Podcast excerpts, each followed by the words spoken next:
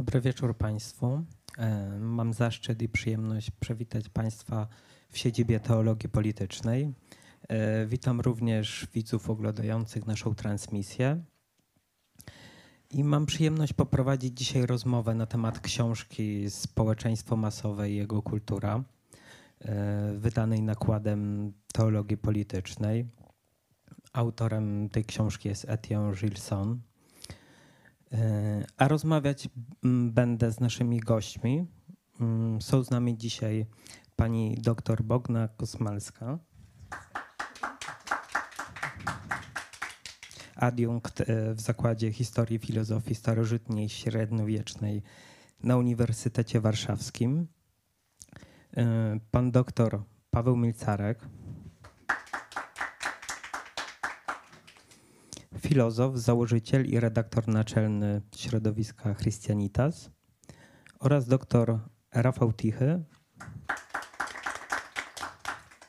adiunkt w Zakładzie Historii Filozofii Starożytnej i Średniowiecznej na Uniwersytecie Warszawskim.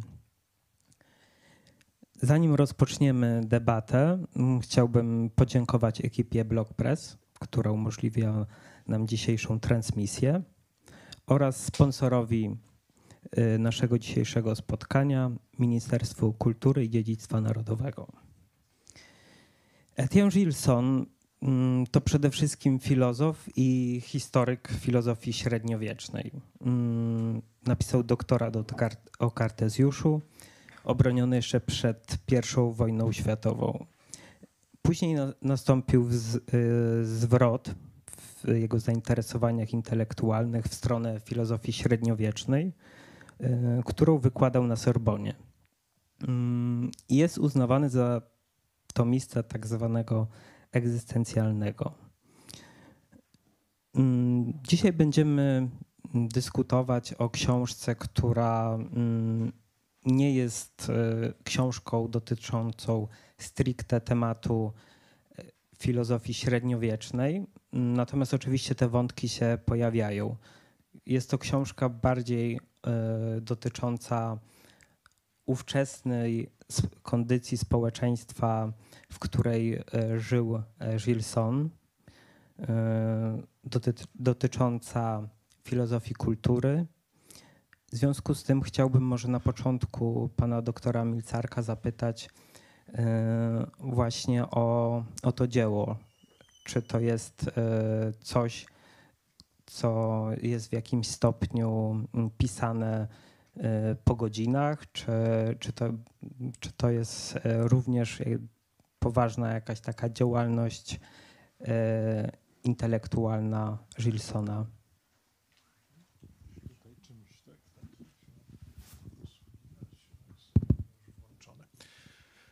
Dzień dobry Państwu.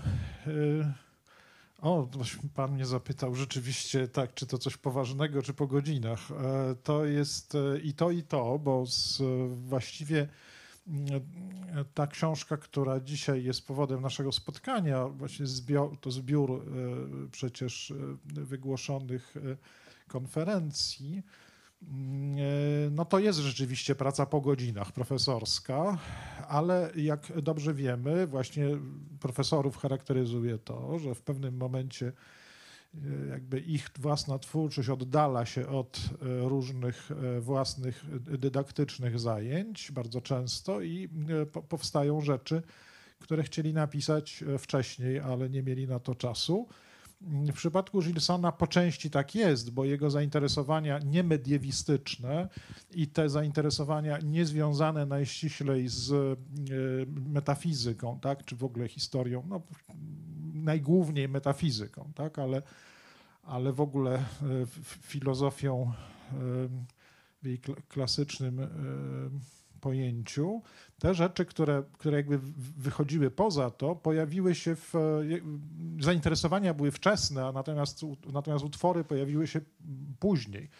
E, chociaż e, mm, można mieć też i co do tego wątpliwości, bo jednak e, on był zawsze aktywny w, również publicystycznie, więc na przykład ktoś, kto sobie przypomni taki tomik jego, jego prac dotyczących, jak się to powiedzieć, porządku, ustroju katolickiego. To brzmi dzisiaj egzotycznie, ale Pour un ordre catholique, taka, taka książeczka z 1934 roku, właściwie zbiór artykułów, której do dzisiaj chyba najcenniejsze pozostały uwagi, uwagi dotyczące szko szkoły katolickiej. E, e, to jest bardzo ciekawe do dzisiaj. Ale mm, e, więc, więc oczywiście jest w jego twórczości tej troszkę późniejszej, zespół prac, które wyraźnie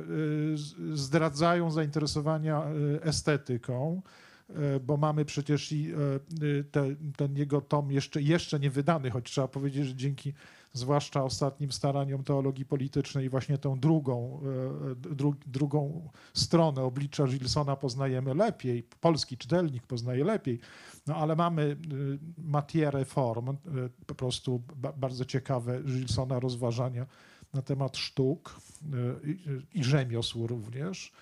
Mamy, mamy peinture réalité, zdaje się, która zbliża się do polskiego czytelnika powoli, czyli czyli o, o, o sztukach pięknych, ale o malarstwie przede wszystkim. E, no i e, mamy ten tom, e, który mm, wchodzi w pewną dyskusję z kulturą masową, ale to jest, pytał pan, czy to jest, to były niewątpliwie rzeczy dla niego bardzo ważne bo, bo to nie są rzeczy właśnie przez profesora po godzinach napisane na zamówienie, bo ktoś bardzo chciał, żeby profesor na ten temat się wypowiedział. Jest raczej tak, że profesor chodził po tych ścieżkach, w których łatwo było być zaproszonym, żeby, e, żeby, żeby coś na ten temat powiedział. Prawda? Tak samo jak pamiętajmy, że y, y, całe życie był y, to w ogóle jest, Gilson jest, to jest taki kod własnymi drogami chodzący, prawda? Bo, bo, bo z jednej strony jest to absolutnie głęboko wierzący katolik, całe życie w takim najbardziej tradycyjnym sensie, z drugiej strony no, nie, nigdy nie znajdujący się na takim schematycznym, e, schematycznej drodze na przykład zaangażowania politycznego, jaka, jaką większość e, katolików francuskich e, wy, wybierała. Jest politycznie republikaninem. To trochę odmienna droga niż w przypadku Maritena na przykład. Potem no jest e, e, wybór tych studiów, studiów mediewistycznych też jest bardziej dramatyczny niż w krótkich słowach e, można było przedstawić, tak jak usłyszeliśmy, bo prawda jest taka, że on zainteresował się średniowieczem, a zainteresował się ze względu na to, że odkrył je u Kartezjusza, tak, jego ślady. Gdy zainteresował się, poszedł dalej za nitką, e, to pewnego dnia zaczął wykładać filozofię średniowieczną tak dobrze i z takim przejęciem, że mistrzowie na Sorbonie powiedzieli mu albo będziesz mniej się angażował, albo no, na Sorbonie to my jednak tej, takiej filozofii to nie chcemy wykładać. I koniec końców Gilson większą część tych swoich tej swojej pracy dydaktycznej jednak będzie wykonywał po drugiej stronie oceanu, w Papieskim Instytucie Studiów Mediewistycznych w Toronto. To też nie jest, e, nie, to też, to też jest e, e, element historii, prawda, tej wyrzucania ludzi tego typu gdzieś, gdzieś daleko poza, poza, poza coś tak wspaniałego jak Sorbona. No i w końcu mamy, w związku z tym jego katolickim zaangażowaniem, przepraszam, bo przedłużam odpowiedź na Pana pytanie, ale mamy, mamy oczywiście też te jego ten, e, ten, e, te jego niepokoje, które dzisiaj znamy z powodu, znamy dzięki, przepraszam, znamy dzięki publikowanym fragmentom korespondencji, tom korespondencji z Maritenem, niepokoje dotyczące stanu teologii, stanu kościoła. Można powiedzieć, że to niezwykle ciekawe, bo, bo ta korespondencja obejmująca w sumie można powiedzieć, dziesiątki lat, tak? kilka dziesiątków lat, e, no pokazuje jak najpierw Gilson, podobnie trochę jak Maritain, ale, ale bardziej Gilson jest jakimś takim sprzymierzeńcem w latach 40., 50., takiej, takim marzeń, takim sprzymierzeńcem marzeń o odnowie, o, jakiś, o, jakimś, e, o jakimś wielkim w teologii ruchu nowym i tak dalej, a gdzieś około lat 60. zaczyna się bardzo zmieniać jego punkt widzenia i nagle ma wątpliwości, e, czy było dobrze się e, tak mocno kolegować z tymi e, rzecznikami nowej teologii, aż do tego gorzkiego stwierdzenia bodaj e, e, właśnie w liście do jednego z teologów, że żyjemy w czasach po soborze, w którym nie wiadomo do końca, w co wierzy ksiądz, który do ciebie mówi. To jest e, to bardzo go, gorzka uwaga i wielu przyjaciół Gilsona e, jakby traciło z nim e, kontakt przez to, że, że oni zaczęli go odbierać jako, jako człowieka pozbawionego nadziei, znaczy jakby tak, takiego tracącego, e, tracącego zaufanie do swoich czasów, rzeczywiście, który się od, zaczął odsuwać i w jakimś sensie od, odchodził w przekonaniu, że większość rzeczy, którym, którym służył, e, e, jakby roz, rozsypuje się, czy rozsypała się. I coś z tego mamy w tej książce o społeczeństwie masowym, wracając do bezpiecznego portu, że właśnie jest, e, jest to jest to rozpoznanie, ono po części jest takie trochę dziwnie arystokratyczne, pozwolę sobie powiedzieć, a, a po części coś w nim jest z takiego rozpoznania o, o, o, o, rozpad, o, jakimś, jakimś ro, ro, rozcieńczaniu się kultury, tak można powiedzieć. Bardzo może ciekawy jest też ten wątek, o którym Pan wspomniał, e, amerykański, e, dlatego że Ameryka tutaj jest w książce pewnym punktem odniesienia e, dla, m, jako przykład społeczeństwa masowego.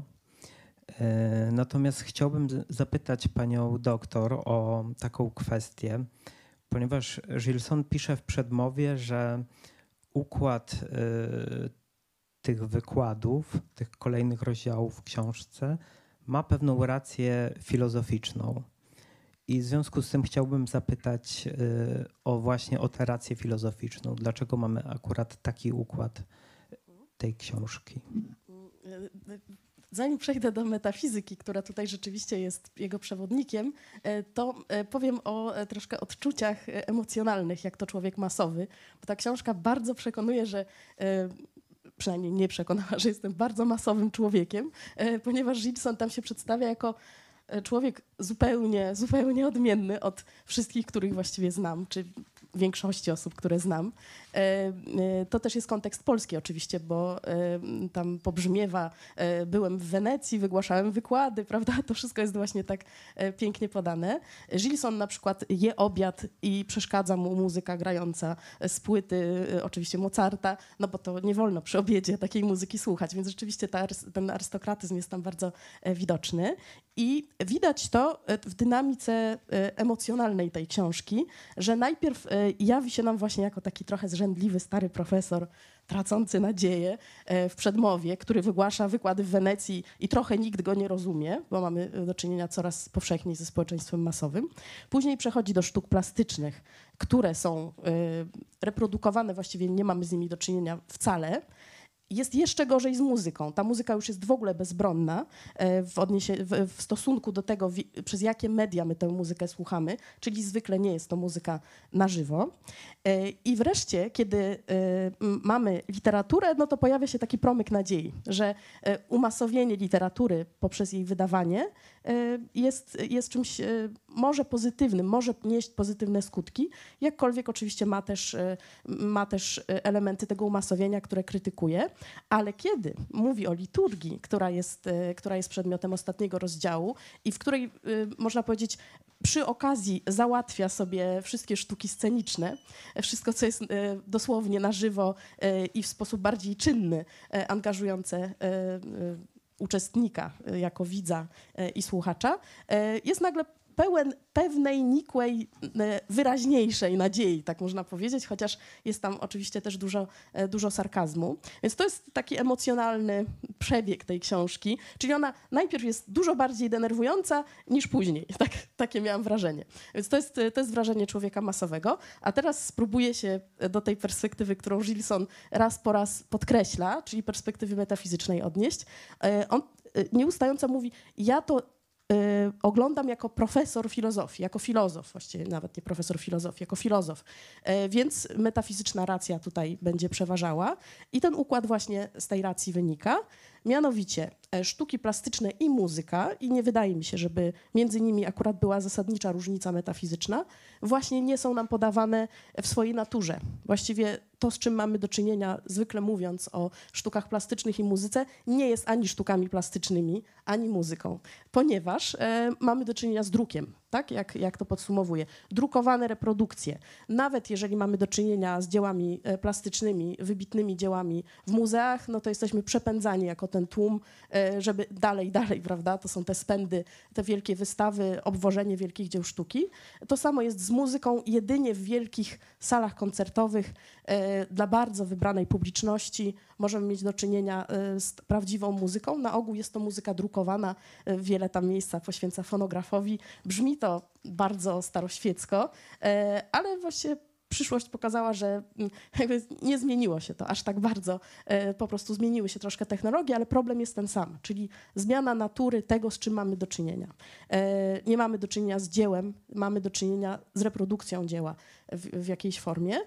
E, Dopiero literatura jest e, tym, co faktycznie jest, a więc mamy do czynienia z dziełem i myli się ten, jak mówi Gilson, kto twierdzi, że, że pisarz pisze książki, pisarz pisze dzieło, wydawca wydaje książki. To jest też bardzo, bardzo dobre mm, podsumowanie te, tej różnicy, a więc literatura jest najmniej tknięta e, jako medium przez, e, przez to umasowienie.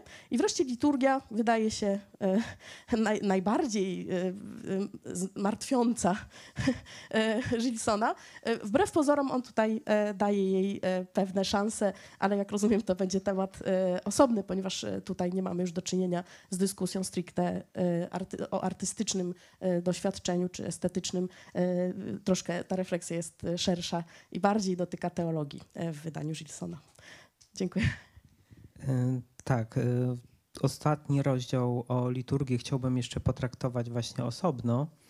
E, Natomiast chciałbym zapytać teraz doktora Tichego o kwestię rozumienia tego społeczeństwa masowego, o czym w zasadzie Gilson mówi, gdy, gdy wspomina o społeczeństwie masowym, o, o kulturze. Jaki, o, z jakim procesem mamy do czynienia? Y, To znaczy on y, używa właściwie mm, bardzo takiego mm, y, prostego rozumienia e, społeczeństwa masowego. Dwa razy podaje właściwie taką definicję, że, że to jest kiedy masy ludzi zostają włączone w społeczność. To jest prawda, kiedy można powiedzieć, można to poszerzyć, kiedy po prostu e, mm, e, masy ludzi mają e, możliwość uczestniczenia, czy to w jakichś aktach, które dokonuje ta społeczność, na przykład akty polityczne, czy też w jakiejś właśnie konsumpcji dóbr, które wytwarza ta społeczność. Mają, masy mają do niej dostęp, a nie poszczególne jakieś klasy tej społeczności. To można powiedzieć, jest taka definicja neutralna, ale za nią zazwyczaj idzie u Gilsona taka mm, inna, która na przykład wiąże się z tym, kiedy on stwierdza, jedyną uniwersalną formą gustu jest zły gust. Nie dość, że ja bym z tym polemizował, e, to, e, no to, to jest właśnie taki wynik, że to umasowienie wiąże się zawsze z równaniem w dół, prawda? Że masy to mają zły gust. E, Zresztą ciekawe jest, bo potem będzie kompletnie nie, niekonsekwentny, bo kiedy będzie mówił, ale do tego do, do, dojdziemy o kwestii dogmatów, to na przykład będzie mówił, że masy nie chcą być ba, zbanalizowane. Znaczy, nie wiadomo dlaczego miałyby mieć zły gust i chciały mieć zły gust, a nie na przykład już nie chcą być, żeby je, je traktować jako banalne. To jest tutaj pewna niekonsekwencja, ale wiąże się z tym takie pejoratywne trochę mm, mm, zrozumienie tego umasowienia właśnie jako, jako pewnego równania w dół, prawda? E, czy to pod względem estetycznym, czy intelektualnym, czy jakimś innym, że masy są zawsze jakby im mniej wykształcone, im mniej wyrobione i musimy do nich, to umasowienie się z tym wiąże. E, No i z tym się też wiąże pewne właśnie takie, mm, według mnie u Gilsona mm, e, bardzo, no to jest użyte słowo właśnie e, e, arystokratyczne, wysublimowane, chciałbym powiedzieć takie profesorskie podejście w ogóle do tego tematu. Jest to pierwsza książka Gilsona, jeżeli mogę tak powiedzieć osobiście, z którą się w wielu miejscach bardzo głęboko nie zgadzam. Strasznie mnie denerwował w tych swoich analizach. E, e, dlatego mam tutaj tyle karteczek. No nie, nie będę do wszystkich się odnosił. E,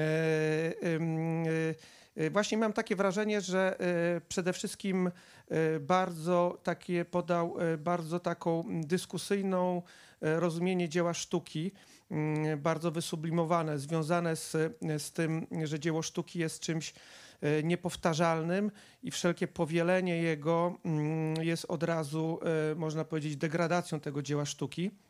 takie chciałoby się platońskie, prawda? Jest idea, y, i potem wszelkie jakieś odbicia to już jest po prostu to są cienie, które są właściwie mm, bardziej nas oszukują.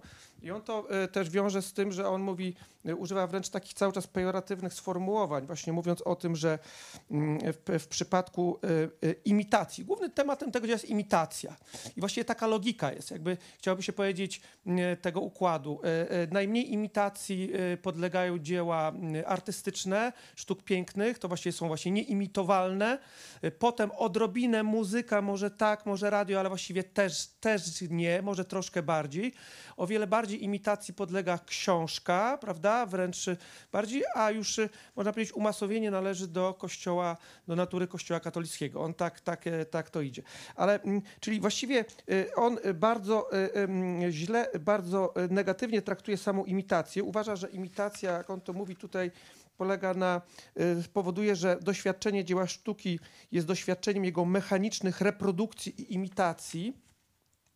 Potem dalej mówi, że właściwie ta imitacja y, sprawia, że nie mamy do czynienia z y, oryginałem, y, a jeżeli skoro nie mamy do czynienia z oryginałem, to nie mamy do czynienia z, y, z tym y, dziełem sztuki, którego, uwaga, istota polega na niepowtarzalności. To też jest bardzo dyskusyjne, bo by, być może po prostu mm, są pewne mm, obszary sztuki, które rzeczywiście są mało, mało, mają małą zdolność do powielania, ale są obszary sztuki, które mają fenomenalną zdolność do powielania. I wręcz można by powiedzieć odwrotnie, że właśnie tym doskonalsze są dzieła sztuki, im bardziej dają się powielać. Na przykład powieść jest doskonała, film jeszcze bardziej doskonały, prawda? Bo właśnie dają się.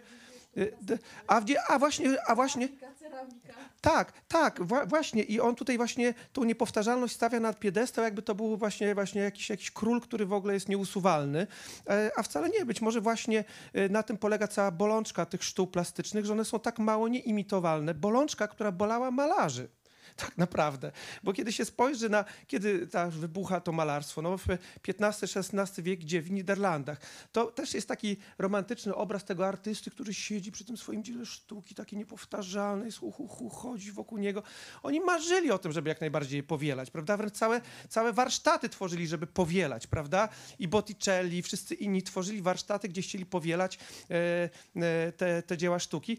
Em, I też na przykład e, to takie wysublimowane pojęcie, że to jest takie dzieło sztuki tworzone tylko dla piękna. W ogóle mm, on strasznie oddziela to piękno od dobra i prawdy. Ja w ogóle, e, e, kiedy na przykład patrzy się na średniowiecze, to tam piękno zawsze było, miało formę jakąś użytkową. Czy to katedra, prawda, czy malarstwo i sakralną użytkową i wszelką inną użytkową. Piękno zawsze było dodane do czegoś użytkowego. E, Co więcej, ci artyści też nie byli takimi romantycznymi artysty, artystami, jak nie wiem, Modigliani, który tam umierał z głodu, byle tworzyć piękno, tylko jednak em, e, tworzyli dla mecenasów, tworzyli dla, mm, w dużym stopniu jednak dla pieniędzy. To nie znaczy, że się zawsze sprzedawali, prawda? Problem sprzedawania się artystów związany z kulturą masową, że wszyscy artyści, jak to mówił, prawda, e, pewien e, polski artysta, że wszyscy artyści to prostytutki, to e, rzeczywiście jest jakiś głębszy problem związany rzeczywiście ze współczesną kulturą, może do, do tego dojdziemy, ale przeciwstawianie temu jakiegoś ideału artysty, który nie robi tego dla pieniędzy, też jest jakby mm, olbrzymim nadużyciem Gilsona.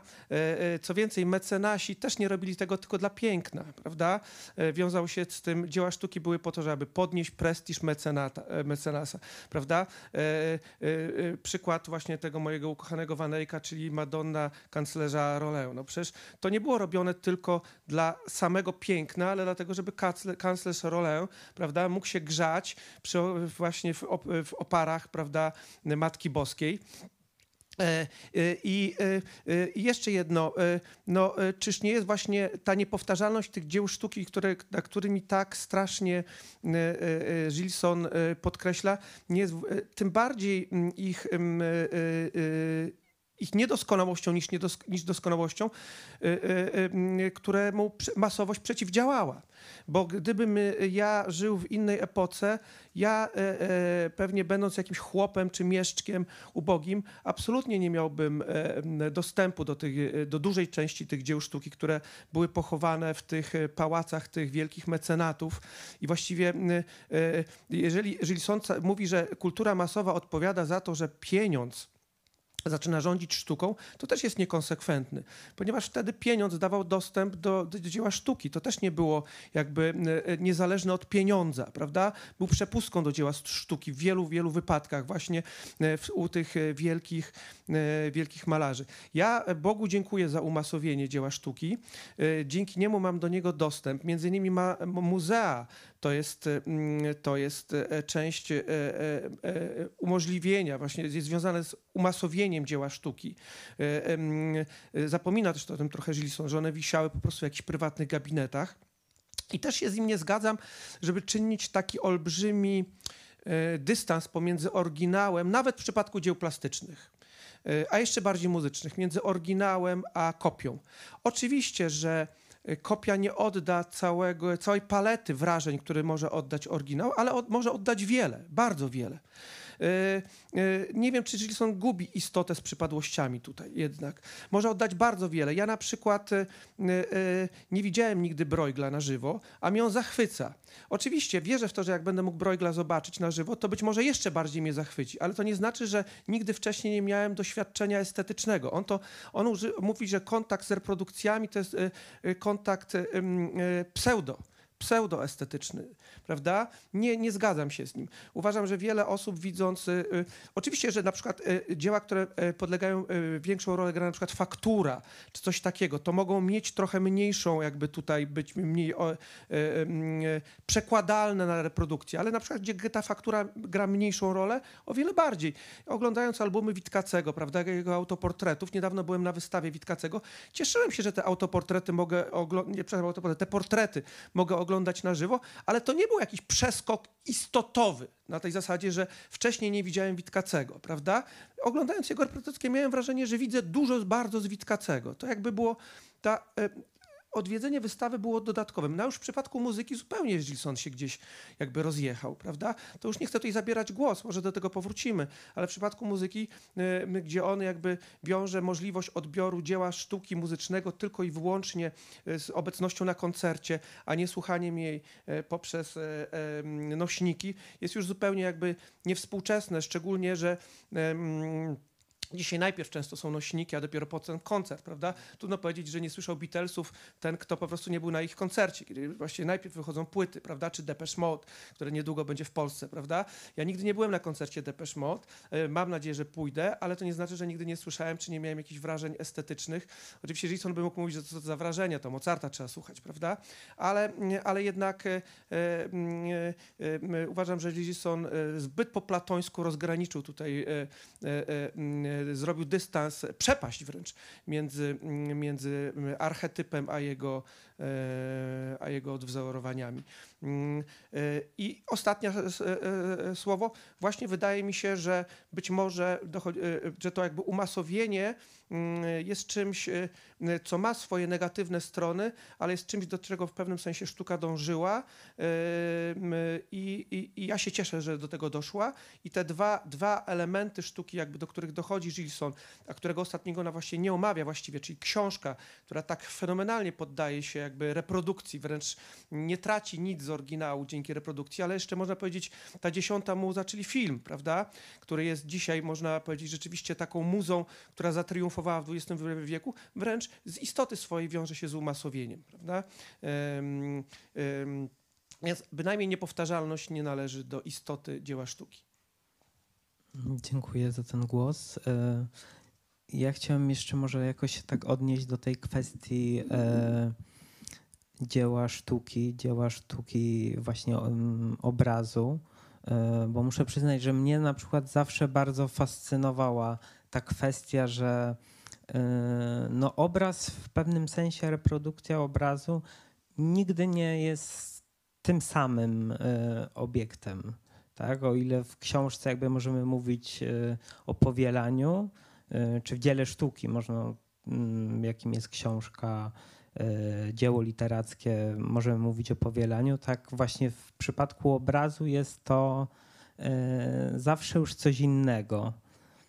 E, Natomiast, e, no właśnie, chciałem jeszcze zapytać, e, o te kwestie, bo być może jest tak, A że... można jedną króciutką tu uwagę? Tak, E, e, Zwracam uwagę, że Gilson, mimo tego ogólnego, e, takiego właśnie trochę platońskiego e, ujęcia e, antyodbitkowego, że tak powiem, e, on też jest bardzo przywiązany do wykonawstwa przez człowieka. Mhm. Tak? Tutaj jest problem też maszynowości, e, co jest bardziej takim arystotelesowskim wątkiem, e, du dużo bardziej, więc to nie jest taki e, czysty platonizm.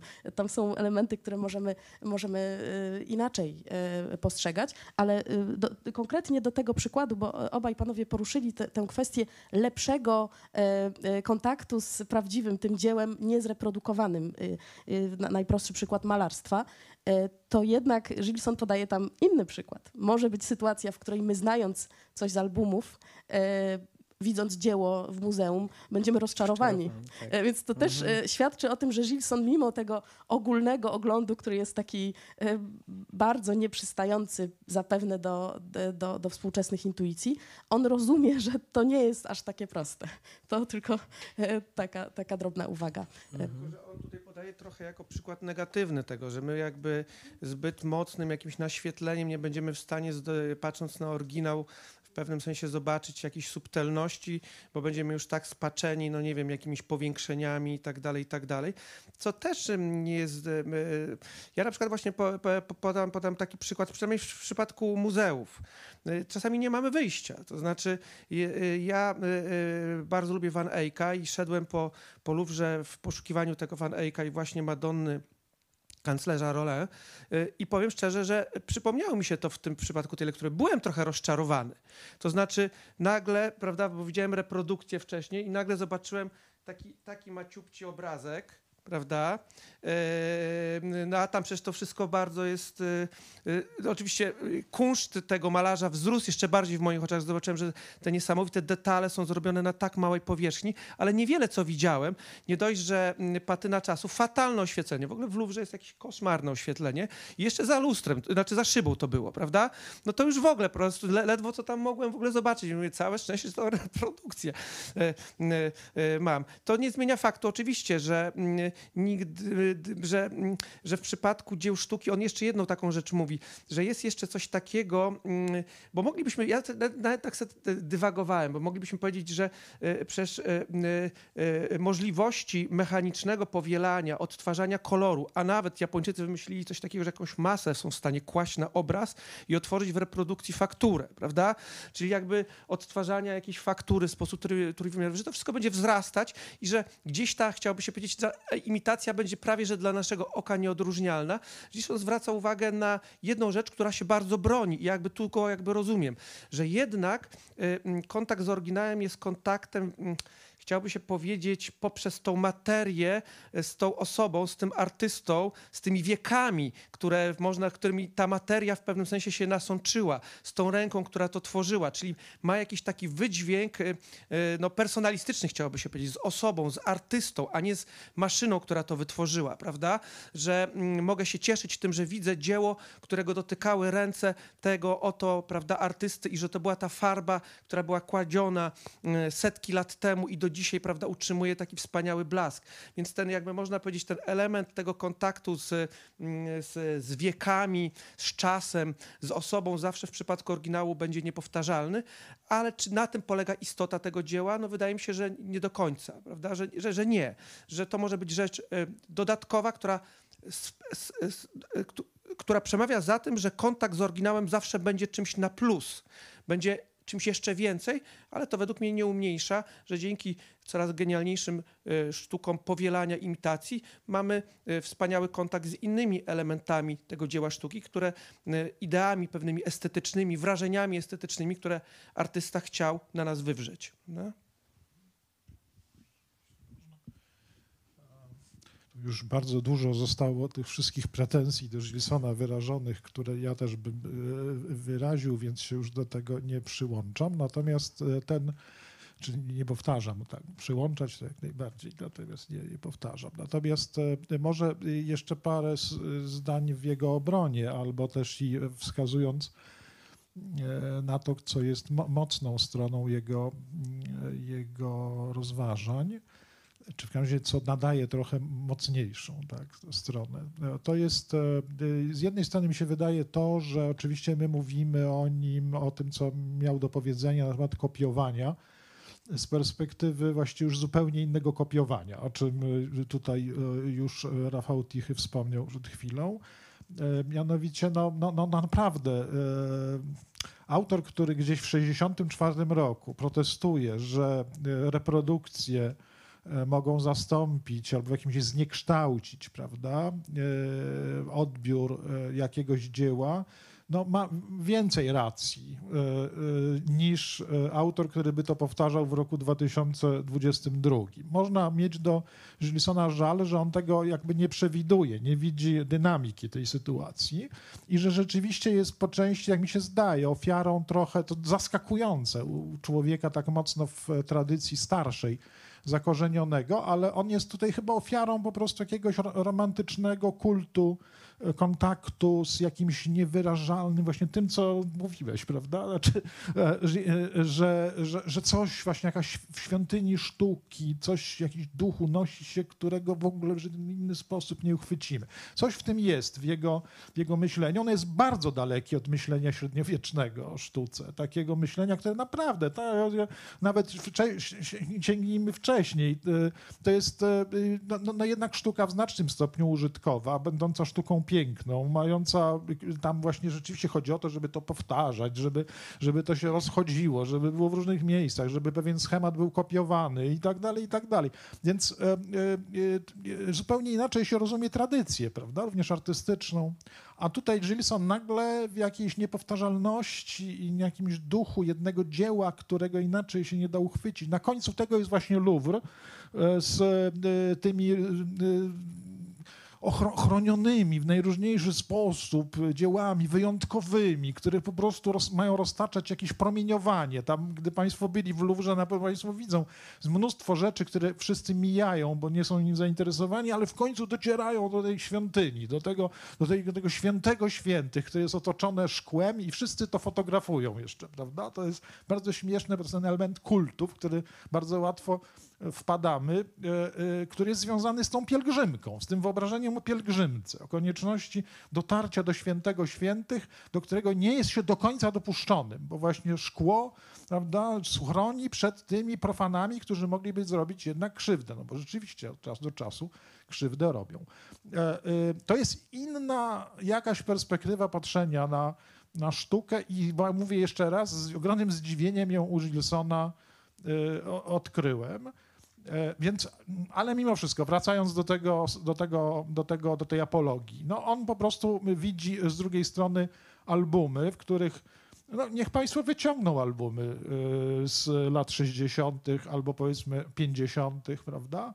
Niech Państwo zobaczą te, te, te, te, albumy, w których rzeczywiście barwy się roz, rozchodzą, w których mamy zupełnie co innego na reprodukcji pod względem kolorystycznym, a co innego zobaczymy, gdy dotrzemy do dzieła sztuki. To mi się wydaje, że trochę o to tam Gilsonowi chodzi, o, tę, o, to, o, ten, o ten fałsz. To znaczy to, że, że ta, że ta ma, masowa, e, masowe odbijanie, że tak powiem, kopiowanie, ono niestety e, jest w jego czasach e, w znacznym stopniu też robotą fa- fałszerską dla, dla, dla tych, którzy odbierają ten, e, ten, e, te albumy, prawda, i są nimi zachwyceni. On trochę reaguje też, zobaczmy to, reaguje na ten amerykański, bo to Francuz, prawda, e, nie, nie lubi tego bardzo.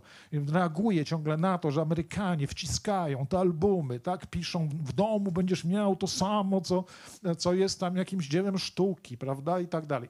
To jest jakoś ten, ten wątek znowu psychologicznie i nawet może trochę więcej jest zrozumiały. On się boi, Gilson, tego, że, że jakby mm, odbitka i dzieło zostaną dokładnie y, jakby z, z, zamienione, e, zamienione miejscami i że będzie w człowieku taka duma, że właśnie oto jak dostał album, to już w ogóle nie musi e, nic więcej oglądać. Może to jest e, też, co ja widzę z, z, z jego jakąś, jakąś mocniejszą stroną jego rozważania, które rzeczywiście jest męczące, tak? w tym, tym, tym, tym, o czym już Państwo powiedzieli i o czym ja też na początku wspomniałem.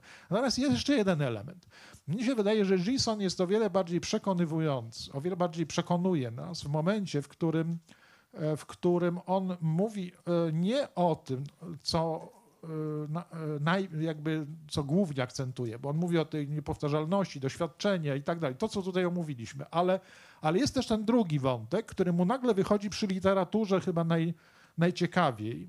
Mianowicie on zaczyna opowiadać, ale to gdzie indziej w, w poprzednich, wcześniejszych rozdziałach też jest, że może nawet gorsze jest nie to, że nagle jest ta, gubimy tę niepowtarzalność, kopiowanie, tylko że jak ludzie od zarabiania pieniędzy zorientują się, że pewne umasowienie, docieranie z, można powiedzieć, głaskanie gustów e, nieprzygotowanej publiczności, e, że na tym da się zarobić, to że nagle wkroczą ze swoimi dyrektywami nie w, nie w obszar kopiowania, tylko w obszar przetwarzania dzieł, które na przykład może są w pierwszym momencie przy samym kopiowaniu za trudne. Natomiast gdy się uda je wygładzić, przetworzyć pod wpływem oczekiwań, to nagle dostaje się lepsze malarstwo niderlandzkie, lepsze utwory jakieś te, bo są już lepiej podkolorowane, są lepiej zrobione, dlatego żeby, żeby ten ktoś, kto weźmie do ręki, powiedział, że o, no to nareszcie to jest to, co ja rozumiem, to jest to, co, ja,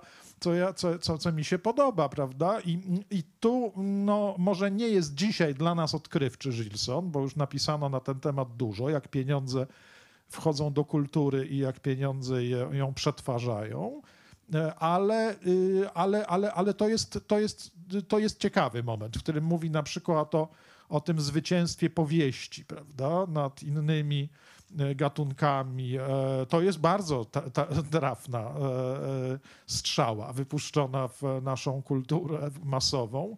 On mówi, w jakim, w jakim stopniu y, powstają te potężne tak, treści powieściowe, które początkowo były po prostu dziełem e, mistrzów, tak, ale, ale, ale one stają się w pewnym momencie po prostu zwyczajną konsumpcją. Po prostu ktoś musi, musi jeść, więc kultura musi, masowa musi jeść, musi, musi dawać do jedzenia. W związku z tym powstają potężne, wielkie powieści, które są już dla, tworzone nie dlatego, że artysta je tak zaplanował, prawda, tego mu narracja się zmieściła w takim wielkim utworze, tylko dlatego, że no po prostu one muszą być potężne, bo, bo muszą zabrać dużo czasu, muszą na, na, na, dać dużo kalorii, prawda? Muszą być jakimiś takimi e, bombami kalorycznymi dla, dla publiczności, która szuka w, lit, w literaturze kalorii, prawda? Właśnie coś takiego. To jest, to jest, e, to jest e, wydaje mi się, najciekawsze, ale temu są tak bardzo dużo uwagi nie poświęca. To jest takie na, na, na, trochę na drugim planie rozważanie dotyczące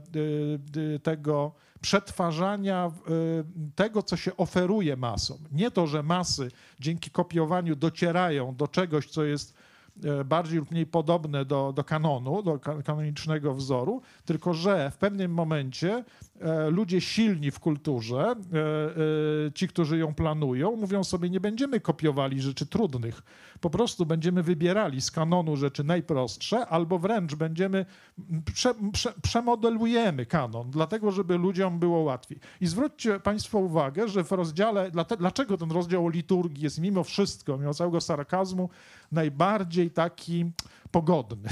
On jest z prostego prostej przyczyny, bo Gilson jest przekonany w roku 64, e, że e, pamiętamy, tam jest to rozważanie o Lourdes, prawda, że tam dwie twarze Lourdes i, e, i mówi, trzeba jest, można być spokojnym. Lourdes jest pewną całością, są tam tłumy, nie martwimy się, bo jest Lourdes, którego grota pozostanie zawsze czysta. No, I, e, dlaczego, dlaczego? Gilson w 1964 roku był przekonany, w 1965, że owszem, tam powstaną te kłopoty z tymi tłumaczeniami, tam konsubstancjalista, że tak bardzo się tym przejmują, zresztą był bardzo osobiście w to zaangażowany. On na łamach prasy podpisywał listy, że to konsubstancjalista, nowe tłumaczenie jest fatalne, że to jest herezja i tak dalej. No, stał się w ogóle liderem pewnego protestu w tej, w tej sprawie. E, e, ale on sobie nie wyobrażał e, w owym czasie, gdy ta książka powstawała, że, że kwestia nie będzie dotyczyła tłumaczenia, tylko że nastąpi po prostu zmiana kanonu. Znaczy dokładnie to, czego on gdzie indziej sygnalizuje, że może się stać, że pewnego dnia ktoś, przychodzi ktoś i mówi, no dobrze, już mamy te masy, masy są zainteresowane, ale widzimy, że te masy stoją w progu, drepczą i nie mogą jakby bliżej podejść do tego kanonu, coś im przeszkadza. No to zmieńmy w kanonie, ten w kanonie. Kanon jest za bardzo zamknięty. Kanon powinien się, otworzyć na masy. I to się stało.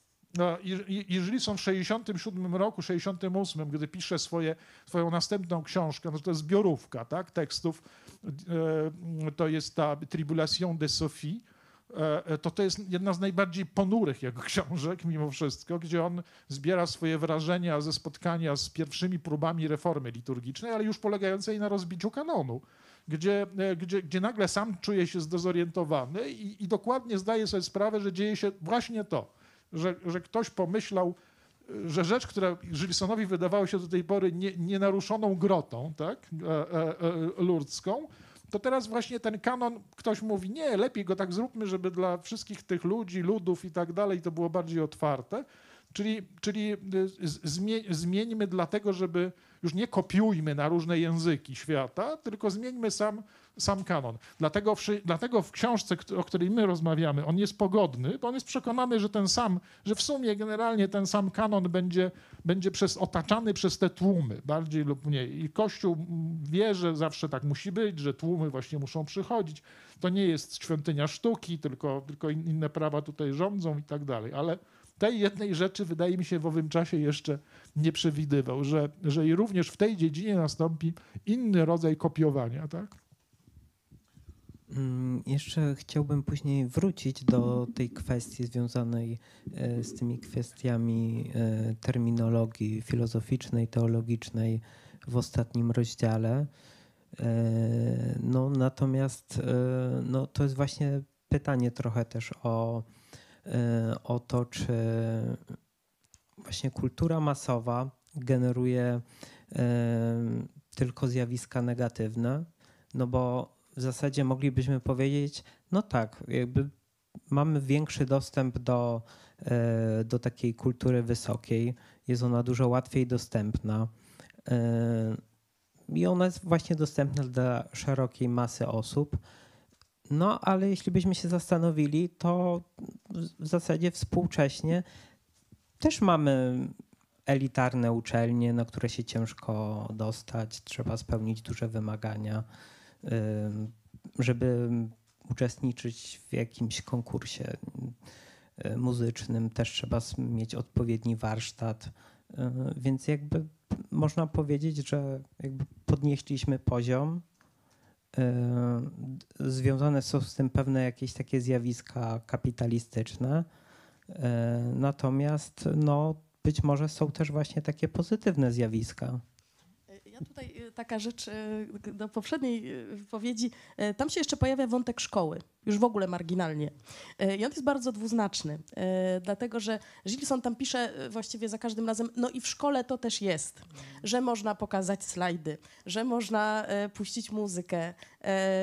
Więc tutaj jeszcze takie pojawia się dodatkowe kuszenie, niezwiązane już nawet z obniżaniem poziomu na przykład właśnie literatury, takiej tworzonej wyłącznie właśnie do konsumpcji, ale też tworzenia takiego kanonu kultury na wzór amerykański. Tak? Jak kiedyś pamiętam, że bardzo mnie zdziwiły takie dwa tomy E, masterpieces tam of Western Literature, czy coś takiego. I to było dla mnie bardzo takie zaskakujące, bo myśmy jednak czytali trochę dłuższe fragmenty. Znaczy to były krótsze jeszcze, e, a, a to były już bardzo stare tomy. Znaczy, do nas to oczywiście też doszło, więc to jest też kwestia takich szkolnych kanonów i podejrzewam, e, tego Gilson właśnie nie pisze wprost, być może dlatego przemilcza negatywne, e, e, które mógłby spokojnie w ramach tej swojej wypowiedzi podnieść argumenty, że tam się pojawia, że tam jest jednak też jakieś dobro.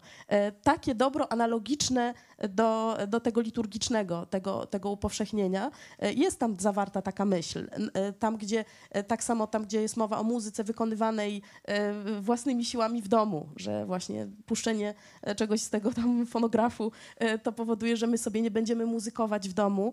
E, jest chyba u Gilsona taka e, minimalne momenty, kiedy on zwraca uwagę właśnie na taką masowość w rozumieniu pozytywnym. I szkoła na pewno jest, z jednej strony narzuca nam bardzo skrótowy kanon i obserwujemy trochę degradację, e, na przykład możliwości wyboru w, ramach tego kanonu, bo e, to, to amerykańskie spojrzenie właśnie na te dzieła, to nie tylko są łatwe dzieła, oczywiście także wygrywają łatwiejsze dzieła w odbiorze, ale w ogóle e, pojawia się taka hierarchia wprowadzona przez czy historyków muzyki, czy historyków sztuki, która jest niezmienialna. Wielki Leonardo, ale tam w ogóle już dookoła nic się nie dzieje, prawda, jest próżnia. Wielki Mozart, tak? Jakby w ogóle nie ma, nie ma takiego zjawiska i być może e, można próbować dopatrywać się też szansy w umasowieniu, że w momencie, kiedy to przekracza taką miarę, że to już nie są tylko te wybrane dzieła, my możemy już teraz pokazać wszystko.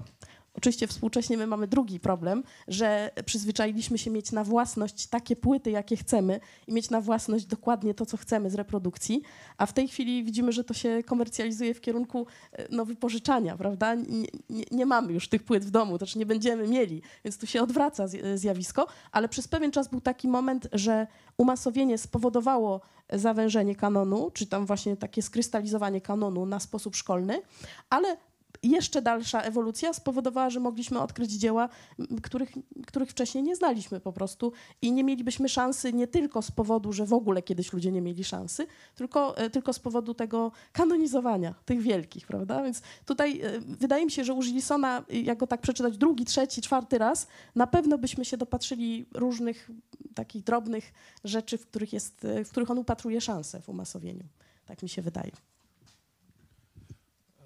Ja chciałbym jeszcze tylko do, do, do, dorzucić, że ba, bardzo mi u Gilsona w tych jego refleksjach brakuje y, ba, bardziej rozumiejącego odniesienia do tego, o czym w jego czasach już Marshall McLuhan pisał. On nawiązuje w jednym punkcie do, do, do, do niego, cytuję słynną słynne powiedzenie, ale nie, nie jest, e, nie- rozumie go. Też e, ciekawe, że kompletnie go nie rozumie. E, Tam, że, że, że, że, że, środek jest już jakimś przekazem, on tego nie, on, on nie, nie, nie, nie, w ogóle jakby nie przemyślał tej sprawy. I, e, ale, nie, ale chodzi także i o to, że te jego rozważania, one się domagają jakiegoś szerszego, szerszej ramy rozważań o tym, jaką e, rolę odgrywa medium. On tego w ogóle nie bierze pod uwagę. Jest gdzieś w środku, inaczej, nie w środku, on jest tak naprawdę gdzieś u końca e, pewnej epoki, pewne, pewnych mediów. My już patrzymy na jego, e, na jego rozważania z innego, z drugiego brzegu, bo mm, e, coś, co w czasach powiedzmy, nie wiem, na przykład 20 lat temu nazywało się nowymi mediami, to po prostu jest już zwykłymi mediami i my na wszystkie te powielania, kopie, możliwość e, ożywiania czegoś i tak dalej patrzymy z perspektywy możliwości nowych mediów. E, Gilson właściwie ich nie, nie przewiduje, nie ma prawa zresztą ich przewidywać, e, nawet tej telewizji poczciwej, e, czyli tego wkroczenia obrazu e, to u niego jest jeszcze nie, nie, nie, niewiele, nie, nie, tego nie, nie reaguje. Natomiast jest poczciwym, e, sympatycznym dzieckiem, jeśli chodzi o, na przykład o rozważania dotyczące tej literatury, bo jemu się wydaje, nie wiem czy Państwo też dali się tak zaczarować Gilsonowi, że Gilson wszystkich nas czaruje, że katastrofa dotyczy właśnie tego, tego, tej sztuk plastycznych i tego i tej wszystkiego, a literatura to nie, nie, nie. Literatura to właśnie jest tak, że tam jak się kopiuje, to wszystko jest dobrze. No problem polega na tym, że w literaturze to już dawno byliśmy po przełomie, jeśli chodzi o media. Literatura to nie, są, to nie jest to, co my bierzemy za literaturę. Literatura, to co my bierzemy za literaturę, na przykład książki tu stojące na, na półce, to już właśnie jest ta przebrzydła, to już jest to przebrzydłe kopiowanie. To, jest, to są przebrzydłe e, part, partytury kopiowane e, e, po to, żeby ktoś, kto sobie tam weźmie, mógł to sobie przeczytać, prawda, albo usłyszeć głos, który, który ktoś tutaj nam przygotował. Ale prawdziwa literatura przecież tak nie wygląda. Prawdziwa literatura, powiedziałby nam ktoś z o wiele, pewnie jakiś Gilson bardzo odległej epoki, powiedziałby, nie no, to w ogóle niepoważne jest, że się bierze książkę i co, i każdy sobie czyta i jeszcze po cichu, To zupełnie, nie, to zupełnie nie ta kultura. Prawdziwa kultura polega na tym, że przychodzi ktoś, kto umie opowiadać. On opowiada, to jest prawdziwa kultura. My jesteśmy zgromadzeni wokół niego, przeżywamy to, e, e, słuchamy go i tak dalej, i tak dalej. Przecież to jest dokładnie to samo, co mamy kon- w przypadku koncertu. Tylko ko- w przypadku koncertu i muzyki zjawisko jest odłożone w czasie. E, e, To, że fonograf i tak dalej, i tak dalej, wszystko to, o czym my tutaj dyskutujemy, to są już późniejsze zjawiska, które Gilson obserwuje i się przeciwko nim, nim buntuje. Ale przeciwko książkom już się nie buntuje. Wydaje mu się to zupełnie naturalne, ale książka, pojawienie się powielonego masowo, prawda, e, czyli wchodzi epoka druku, potem coraz doskonalsze są te druki masowe, to jest dokładnie lub e, analogicznie, dokładnie, bo tu nie ma jednoznaczności, ale, ale analogicznie ten sam proces, e, e, e, który możemy obserwować w różnych obszarach kultury, która wymagała opowiadania, mówienia. E, Przy mówieniu e, rzecz była wzbogacana, e, dzieło było w tradycji, więc e, poemat wygłaszany wobec tych, którzy go słuchali, nie był nigdy tak dokładnie taki sam i tak dalej, i tak dalej. To można dokładnie to, te same żale, które Gilson miał, ma e, i wypowiada w, e, w sprawie koncertów i w sprawie muzeów, dokładnie to samo można, czy tam albumów, prawda? To dokładnie to samo mógłby, gdyby się zastanowił, e, wypowiedzieć w odniesieniu do kopiowanych, no najlepiej jeszcze w miękkich okładkach e, wydań Platona, prawda? Platona w ogóle jak, jak można w taki sposób prezentować? Teraz tłumaczenia na przykład, o których Gilson martwi się w przypadku liturgii. E, Jemu się, jak on, ja czasami myślę, że jak on nam mówi, że tak dobrze jest każdemu wziąć do ręki Eneidę i przeczytać i to nie stanowi żadnego problemu, to on cały czas jest człowiekiem, który tę Eneidę czyta po łacinie, tak? To znaczy jest dzieckiem edukacji, w której było oczywiste, że y, wykształcony człowiek to czyta Wergiliusza no, w oryginale, prawda? Y, To państwo też, prawda? Czytają w, oryginale. No, no nie. Od dawien dawna nie czytamy w oryginale i dlatego na przykład skopiowanie Wergiliusza w tej lub innej, skopiowanie w cudzysłowie, w tej lub innej wersji tłumaczenia jest albo bliższe, albo dalsze, albo kieruje naszą uwagę w tę, albo w inną stronę i dla całych zastępów ludzi e, to jest Wergiliusz, którego znają. Czy jest prawdziwym Wergiliuszem, prawda? E, e, I tak dalej, i tak. Takich pytań dekonstruujących, że tak powiem, można stawiać e, e, coraz więcej. I Gilson chyba nie zdaje sobie, nie, zdawał sobie sprawy po prostu z tego, że dotyka problemu, który mm, który no, gdzieś tam jest opisywany właśnie w kategoriach istotnej przemiany pewnej treści, odbioru treści, gdy zmienia się medium. On tego zresztą nie, właśnie nie, nie, nie, nie odróżnia. E, e, I e, to jest ja- jakaś, jakaś ciągle słabość tego, tego jego wywodu, prawda? Gdybyśmy postawili obok w tym samym czasie bodaj, chyba w tym samym czasie mniej więcej, Galaktyka Gutenberga, marszala McLuhana, no to, to, to, to, to, to, to tam pod tym względem te rzeczy są uchwycone, uchwycone głębiej. Z drugiej strony warto tę książkę Gilsona przeczytać, bo ona jest e, nie tylko głosem z określonego e, czasu, ale też proszę zwrócić uwagę, jak ona jest e, interesująca od strony swoich drobiazgowych różnych polemik, które się toczą w przypisach na przykład. Prawda? Nie tylko główny wywód jest interesujący, ale, ale tam jest odniesienie do, do, do, do całego szeregu spraw, e, y, różnych konkretnych wydarzeń. E, W związku z tym e, to jest także błyskotliwe pod względem odniesienia do kultury e, lat 60., ale jeszcze sprzed tego, e, tego tak naprawdę istotnego szoku, tak, który, który nastąpi dosłownie 2-3 lata później e, po, po tym, e, o czym Gilson pisze. Wbrew może temu, co twierdził Gilson, jednak polecamy e, lekturę e, i tłumaczenie wydane nakładem teologii politycznej. E, Natomiast właśnie chciałbym teraz przejść już do tych kwestii związanych z ostatnim rozdziałem. I może zacznijmy od tych kwestii terminologicznych. To znaczy, chciałbym zadać pytanie, czy zmieniając y, te kwestie e, pojęciowe związane z naturą, z substancją i relacji wewnątrz Trójcy Świętej, które zawarte są w credo, to czy możemy powiedzieć tak prowokacyjnie, czy w różnych kościołach mm, wyznajemy różne credo? Ja jestem specjalistą.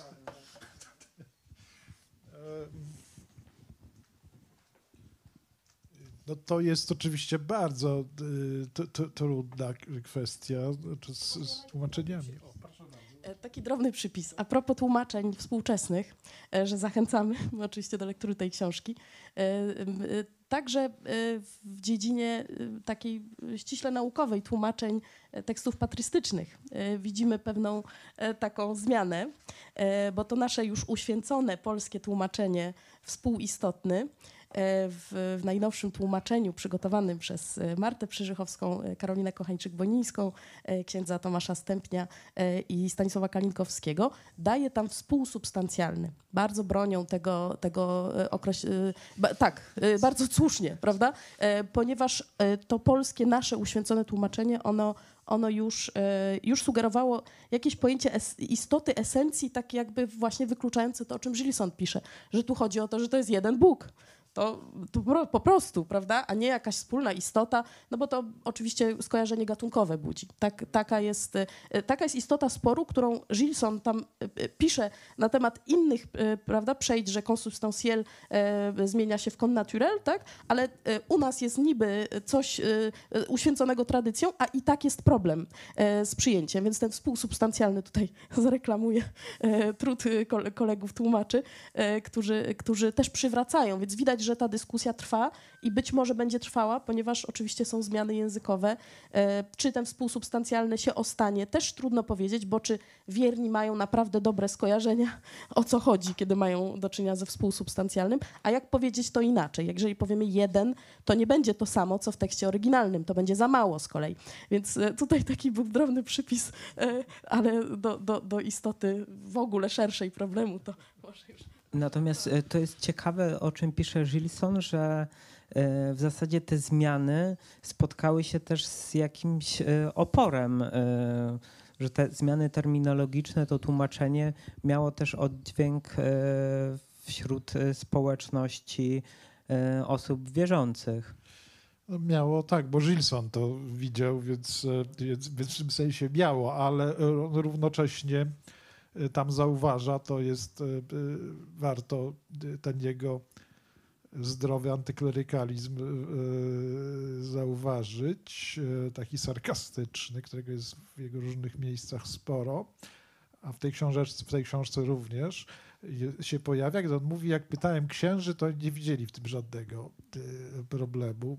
Właściwie, no, czy tak jest, czy, czy, tam, czy tak jest. No niestety, to jest akurat, e, jak sądzę, ten przejaw z jednej strony trochę takiego bra zawodowego braku zainteresowania księży do, e, do, do, do różnych zagadnień, które się pojawiają w liturgii. Trochę tak może być tak, może być inaczej. Jak władza zarządzi, tak, e, e, tak ostatecznie będzie. Trochę coś z tego jest i, i Gilson e, potem w tej wspomnianej już przeze mnie e, książce późniejszej Tribulation de Sophie też będzie bardzo na to narzekał, że, że właśnie najbardziej się martwią różni wierni katolicy, świeccy, tam, a to ministrant, a to tam ktoś tam, a, a księża są tacy po, poczciwie spokojni, że wszystko będzie dobrze, nie ma się co martwić, bo no po prostu dzieje się zmieniają, teksty też, nie, nie, jest to, nie są to zmiany istotne i tak dalej, i tak dalej. Więc ten zespół pocieszeń związanych trochę też z takim brakiem zainteresowania, to, to jest rzecz, którą, e, którą warto zauważyć. Natomiast Gilson oczywiście był bardzo zainteresowany sprawą i nawet spowodował ten, e, e, ten odruch e, sprzeciwu. Czy on był e, jakoś masowy, czy ludzie rzeczywiście w, w, we Francji w 65 roku byli tacy zmobilizowani do tego, że, że tak ich poruszało to, czy jest nagle connaturel, tak, w, e, w tym credo, które po raz pierwszy po francusku zresztą e, mieli e, wygłaszać e, w, w, w, ko- w kościele, to tego już e, pewnie nie, nie, nie potwierdzimy, prawda? To jest w ogóle taki problem, że, e, że, że o jakiej zmianie w ogóle Gilson mówi, o tym pamiętajmy. To jest, e, to jest pierwsza zmiana, która następuje po Soborze Watykańskim, właściwie jeszcze w trakcie, właściwie jeszcze w trakcie. W 1965 roku e, w kościołach e, katolickich po raz pierwszy w marcu 65 roku wierni zaczęli uczestniczyć w mszach po części odprawianych e, w językach narodowych. E, na początku tylko w, w części, potem to szło coraz szybciej, ale e, w sensie coraz, coraz więcej elementów we mszy było, było ob- obejmowanych tymi przekładami. We Francji to się oczywiście bardzo szybko rozwijało.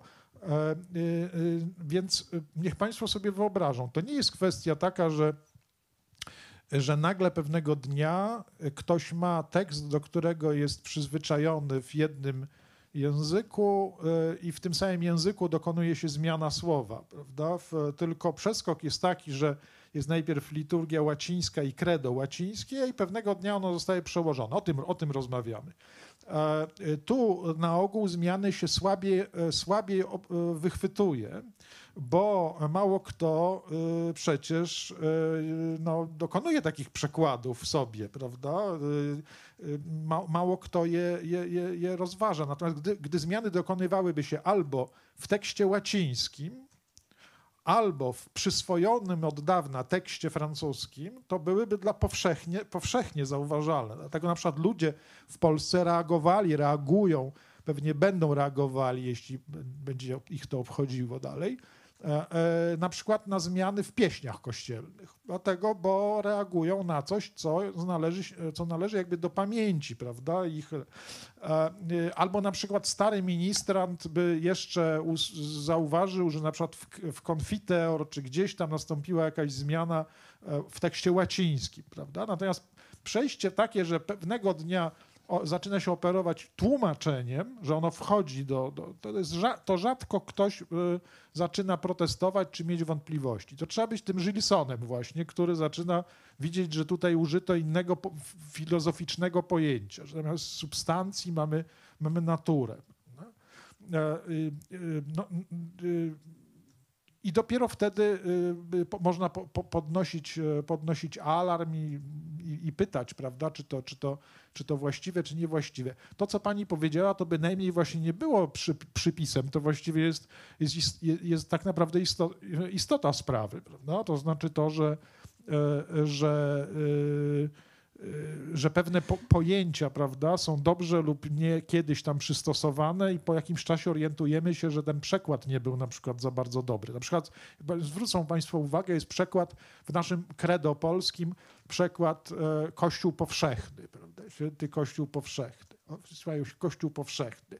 E, Otóż w polszczyźnie Kościół powszechny to jest na ogół e, wyrażenie, które kojarzy, od, e, e, jakby to jest, e, to jest, po drugiej stronie mamy ko- Kościół lokalny, Kościół partykularny, czyli jest Kościół powszechny i jest Kościół lokalny. W credo, jak, tak jak znamy je po polsku i recytujemy, albo śpiew, śpiewamy, to chyba nie właśnie, ale recytujemy, to, to słyszymy święty Kościół powszechny. Ale w oryginale łacińskim bynajmniej nie tak ta cecha jest, wy, wy, jest wyakcentowana, bo tam jest jeden święty i właśnie nie powszechny, tylko katolicki Kościół. A wie, wierzymy w Kościół katolicki. Credo to, na to kładzie nacisk i nie można, to nie, tam nie ma uniwersalist, tam jest, tam jest nie, tylko katolika. Tak, tak. No, o, oczywiście, że wszystko się ze wszystkim, ze wszystkim łączy, tylko jest inny sens tego, tego słowa w tym wypadku. Chodzi nie o przeciwstawienie kościoła partykularnego i kościoła powszechnego, i tutaj całą dyskusję, który ontologicznie jest pierwszy i tak dalej, tylko chodzi o e, e, wskazanie pewnej, pe, pe, pewnej cechy znamionującej jeden z kościołów, który znamy. W jaki sposób? Ale to może jeszcze poczekajmy. y,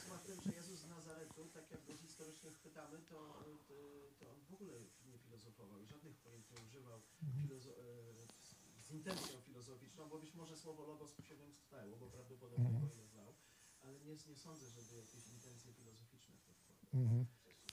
No wie pan, to tym się właśnie różnimy, że no. nie zostało objawione, tak? Tak. Znaczy objawienie to jest jakieś wydarzenie egzystencjalne. Znaczy ja przynajmniej aktualnie tak sądzę. Tak. Więc Jak słucham tego typu sporów, to one mi się wydają, przepraszam, sporami o pietruszkę. No, znamy pana opinię i e, jest, e, jest ważna, bo e, została wypowiedziana. Natomiast, natomiast no pewnie jest, podlega mocnej dyskusji, prawda? No, zdaje sobie pan sprawę, że zarówno tych kilka stwierdzeń, które zdążył pan zawrzeć, to, to są przedmioty licznych dyskusji. Nie są tak oczywiste. Ktoś, kto wchodzi nagle z tym, z tym takim, jakby to powiedzieć, rusowską prostotą, że oto gdzieś na początku był Pan Jezus, któremu w ogóle nie chodziło o filozofię, tylko, tylko wymknęło mu się być może zdanie logos i tak dalej, i tak dalej. Ono w ogóle mu się nie wymknęło między nami, prawda? Nie ma, nie ma w wypowiedziach e, Pana Jezusa, więc Imaginacyjnie domniemając, no, nie użyć takiego słowa, A, co? monoteizm. może Tak. E, to ja Jeszcze się będzie wycofuję w chwila takim na razie, bo z imaginacją nie da się... Przepraszam za tę interwencję. Nie mogłem się Wiem, wiem, bo znam Pana od lat i wiem, że nie może Pan... Jeżeli chodzi o tą kwestię, y, która tutaj została poruszona, to znaczy przez Lisona, prawda, że w przypływie umasowienia, że się tak wyrażę, przekładu właśnie dla mas e, zastąpiono substancję naturą, prawda, bo wydawało się, że będzie to bardziej zrozumiałe dla, dla masy, prawda, E, co a więc uży, użyto pewnych, e, pewnych pojęć, które, za którymi jednak stoi pewna mm, tradycja e, ich rozumienia i w takim użyciu one przekłamują, prawda, bo jednej natury to może mogę być, ja mam tą samą naturę co mój ojciec, prawda, ale nie znaczy, że jesteśmy tej samej substancji, natomiast w tym przypadku credo mm, ta, użycie słowa naturalne byłoby tak mylące, prawda? E, Jeżeli on tutaj czyni, że być może, jeżeli substancja jest za mało zrozumiała dla mas, moglibyśmy użyć byt, e, chociaż też nie wiem, czy byłoby bardziej, prawda? Ale to jest bardzo ciekawe, bo on tutaj według mnie znowu jest niekonsekwentny. Znaczy w tym przypadku mówi coś takiego, okej, y, jest pewne umasowienie, czyli że staramy się być bardziej zrozumiali nie tylko dla elity, ale również jakby powszechnie, a więc jest, załóżmy, dopuszczamy pewien stopień, załóżmy już nie substancja, ale byt, no ale nie idziemy za daleko, czyli nie, nie, nie, nie czynimy pewnego ustępstwa na, na rzecz błędu, prawda, żeby być bardziej zrozumiałym, przypuszczać pewien zdecydowany błąd, y, to y, nie czyni tak w przypadku estetyki. Znaczy w przypadku estetyki, y, co jest jakby głównym jakby tematem tej książki, jest jakoś taki cyniczny, to znaczy jest taki jakby zdroworozsądkowy, y, bo on mówi coś takiego, tutaj bierze przykład ym, Huysmansa, Lourdes i tak dalej, i tak dalej i mówi Huysmans, zresztą bardzo bliski mi autor, to był taki estetyk, który strasznie się denerwował e, na to, kiedy był w Lourdes, prawda, że tam e, ta estetyka jest tak brzydka, tak niska, e, nie potrafił tego zaakceptować. Co prawda zauważał, że jest też drugie Lourdes, te głęboko religijne, ale jakby te dwa, te dwa Lourdes mu się do końca nie składały w kupę, prawda, to autentyczne religijne i on cały czas mówi coś takiego, że mm, że to jest tego typu myślenie, mówi tak, utopią jest mniemanie, że w każdej dziedzinie elity podźwigną masy na wyżyny swojej sztuki. I że niezdrowe jest to y, tak w ten sposób myśleć i trzeba myśleć, że masy mają prawo do swojej własnej kultury i właściwych jej środków. No okej, zgadzamy się, ale w innym zaraz miejscu, co to znaczy, że masy mają prawo, to on mówi już bardzo wyraźnie, prawda, że e, religijne masy lubią e, e, tą e, uniwersalną formą gustu jest zły gust. I niepotrzebnie Huysmans się tutaj na ten temat y, y, denerwuje, bo powinien jakby to zrozumieć. Y, Co więcej, on mówi, że to jest jakby takie zdroworozsądkowe. Już ostatni cytat. Zdziwienie tym sprawiało, zdziwienie tymi sprawami byłoby naiwnością, że jakby, że tutaj, kiedy jest umasowienie, no to jest obniżenie tych walorów estetycznych wręcz do, do pewnej brzydoty. W, kwestii religijnych. A zgorszenie faryzeizmem. Życie religijne toczy się w czasie i przestrzeni. Współczesny modlitewnik nie może przypominać XVII-wiecznych. Równie bzdurne byłyby protesty przeciwko niesłychanemu ubóstwu umysłowemu komiksów, zwanych komicznymi, w których w pewnym apostolskim tygodniku opisywane są przygody Kleopatry, druida, pana Remixa, Asterixa i tak dalej, i tak. No i że to, że zniżono się do tego, to jest jakby zrozumiałe, że współczesność wymaga głupkowatości tej literatury i tak dalej, i tak dalej. I on to pisze z tak właśnie, że musimy się tak już nie, nie już ból serca mu jest olbrzymi jego oceny, jeżeli chodzi o Asterix, ale to pomijam, ma prawo do takiego sądu. Ale że on uważa, że no okej, musimy się pogodzić z tym, prawda, E, niech te masy mają tą swoją kulturę, Kościół jest powszechny i tak dalej. No według mnie to nie jest, to jest, to jest dokładnie tak samo jak z tą banalnością. Ja chciałbym powiedzieć, że y, to jest nieprawda. Ismas po pierwsze, Ismas nie denerwował się tylko i wyłącznie na to, że ta y, kultura w Lourdes, y, załóżmy artystyczna, jest tak banalna i brzydka, bo mu nie pozwalało na to jego wysublimowane poczucie. Ja mogę zacytować, przepraszam bardzo, na co interesował się, a to będzie w aspektach tej dyskusji bardzo ważne, na co denerwował się Ismans tak naprawdę. Tutaj y, y, fragmenty dwa. Że szatan gwoli swojego triumfu w Lourdes, urzeczywistnionego w ogromnej mierze niestety, natknął artystów projektami paskustw, paskudztw małych i wielkich. Szpetne posążki i wota, monumentalna i szkaradna bazylika i szczyt złego smaku, droga krzyżowa, ugarnitowana gigantycznymi figurami. Kler, w którym pazerność walczy o lepsze z pretensjonalnym komedianstwem, przykłada ręki do machin diabelskich. Sekundują mu żaby z kropielnic, takie nazywa. I teraz cytat tych żab z kropielnic. To on tutaj pewnie pisze o pewnej duchowości Lourdes, z której wyrasta ta estetyka. To już krótki. Nenen. Są tu bigotki prowincjonalne, niesłychane. Łażą, gdaczą, każda potrząsa różańcem, niby kobyła wędzidłem. Na wyprzódki klepią pacierze, chłepczą wodę, urządzają wyścigi na drodze krzyżowej. Dewotki, plemię już i tak straszne w kaplicach paryskich w Lourdes stają się przerażające. Rozegziły się wczorajszego wieczoru, wypatrzyły biskupa, trzydziestolatka, już dalej nie będę pisać, co one z tym biskupem tam wyprawiały, prawda? Ale i, i, i Usmans to krytykuje. On krytykuje pewną estetykę, która wynika z koszmarnej, banalnej duchowości właśnie z pewnego faryzeizmu duchowego i tak dalej, i tak dalej. I to mu się, to mu najbardziej przeszkadzało w Lourdes i to mu przeszkadzało w pewnej estetyce.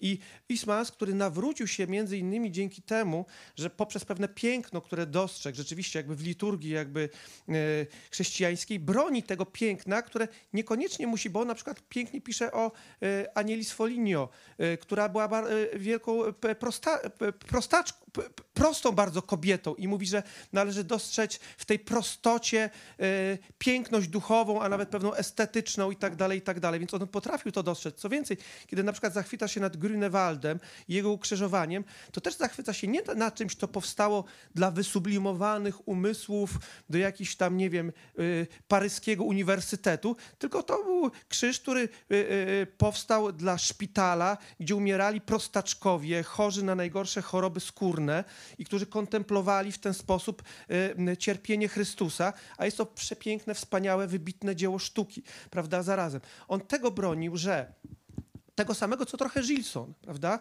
Że pewne umasowienie nie musi y, y, oznaczać również estetycznego, y, y, estetycznej brzydoty. To znaczy, że y, piękna nie da się do końca oddzielić od prawdy i od dobra i że pewien rodzaj jakby estetycznego zniżenia się będzie też pewną zdradą pewnego, pewnej prawdy i pewnego dobra, czyli pewnym będzie odpowiednikiem banalnej, nieprawdziwej duchowości.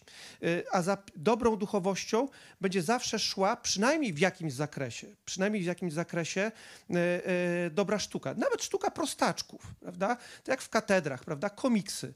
Średniowiecze tworzyło komiksy, prawda? Komiksy dla prostaczków, często bardzo prostymi technikami, ale one miały pewien walor estetyczny, dbały pewną katechezę też pewnego jakby piękna, które kryło się za tą prawdą. Więc y, y, Gilson tutaj y, nie do końca według mnie jest konsekwentny, prawda? Broniąc pewnych rzeczy, a pewnym dając się y, jakby pociągnąć. Jakby.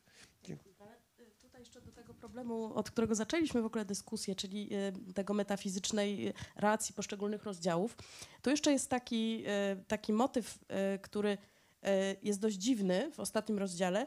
To znaczy, że Gilson pisze, że liturgia, czy, czy w ogóle religia jest, znaczy religia może jest bardziej też społecznym zjawiskiem, ale liturgia jest zjawiskiem duchowym, że ona dla ducha jest czymś.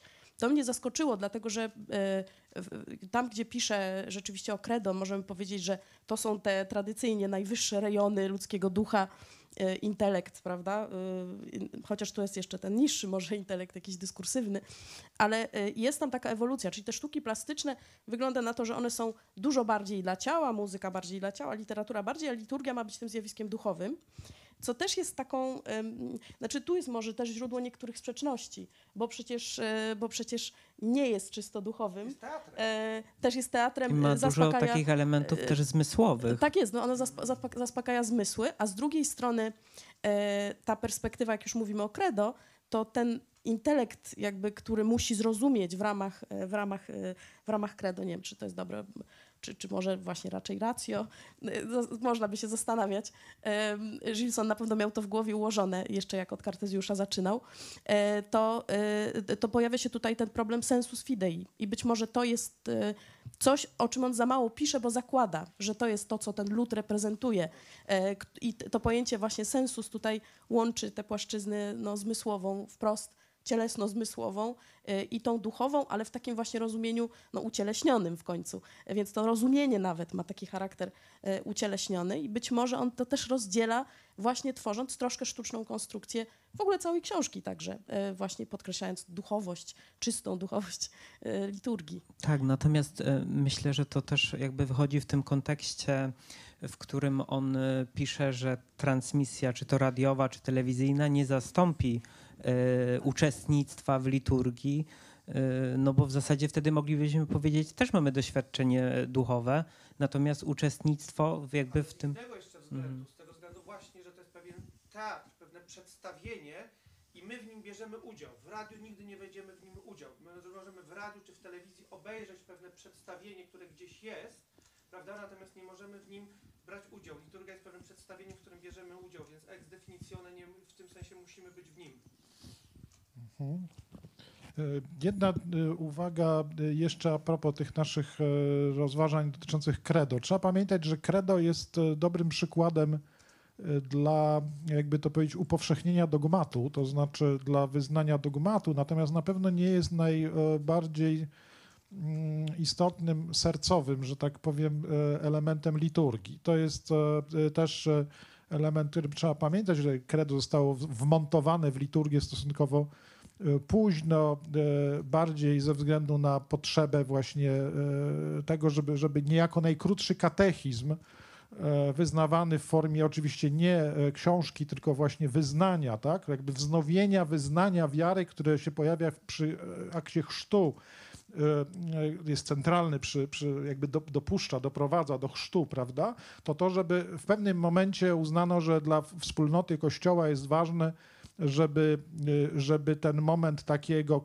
takiego bardziej wysublimowanego protokołu, e, artykułów wiary, żeby się znalazł wewnątrz liturgii, żeby wierni je powtarzali, jak księża, żeby tutaj co różne synody potem zarządzały, mieli okazję e, co jakiś czas komentować e, to w ramach, w ramach kazania, prawda, poszczególne artykuły credo. Natomiast sama liturgia nie przemawia takim językiem, to też trzeba pamiętać i również jej oracje, na przykład e, e, mo- mo- modlitwy, które kapłan wygłasza, no one nie są wypełnione takim e, tego typu e, do- do- dogmatycznym czy do, doktrynalnym słownictwem, mimo że nie brak e, trudnych wyrażeń, sformułowań, ale one są bardziej, bardziej językiem modlitwy, a więc bardziej są związane z problematyką, jeśli już, to łaski, e, w związku z tym także pomocy ze strony Boga, problem e, obciążenia grzechem i tak dalej. No Oczywiście w liturgii eucharystycznej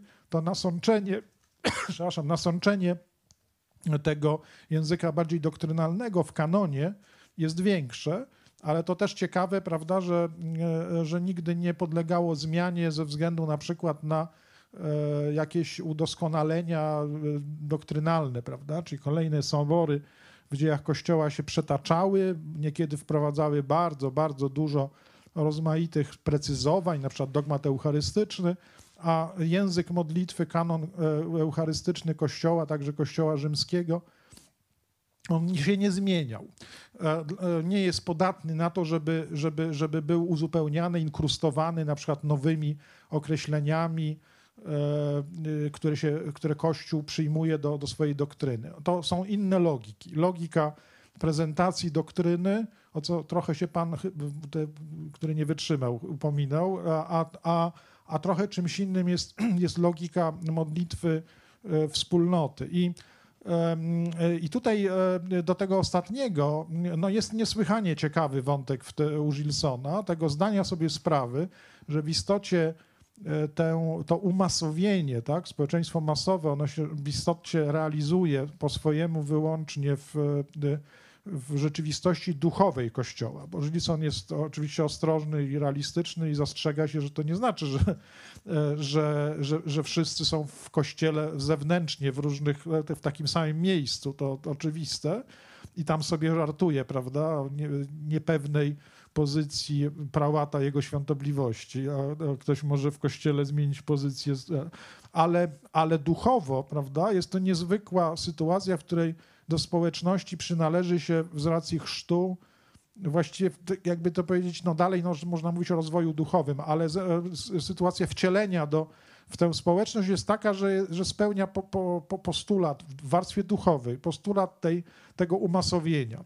Prawda? To, co z kolei w warstwie takiego ujęcia spraw wiary wypowiadał święty Tomasz w słynnym e, powtarzanym nieraz sformułowaniu, prawda, że staruszka Y, chrześcijańska, ta wetula chrystiana, jak, jak powtarza swój pacierz, to, to właściwie no, wie nawet lepiej o Bogu niż wiedział Platon. To jakby ta powszechność, to umasowienie pewnej, pewnej, pewnej, pewnego, y, pewnej wzniosłej prawdy o Bogu, e, e, nie poprzez e, może rejestr definicji, ale, ale rejestr ujmowania e, wiary w Boga jednego, zbawczego i tak dalej, i tak dalej, że to jest ten moment jedynego właściwie dokonywanego gdzieś z zewnątrz, nie przez nas samych, umasowienia.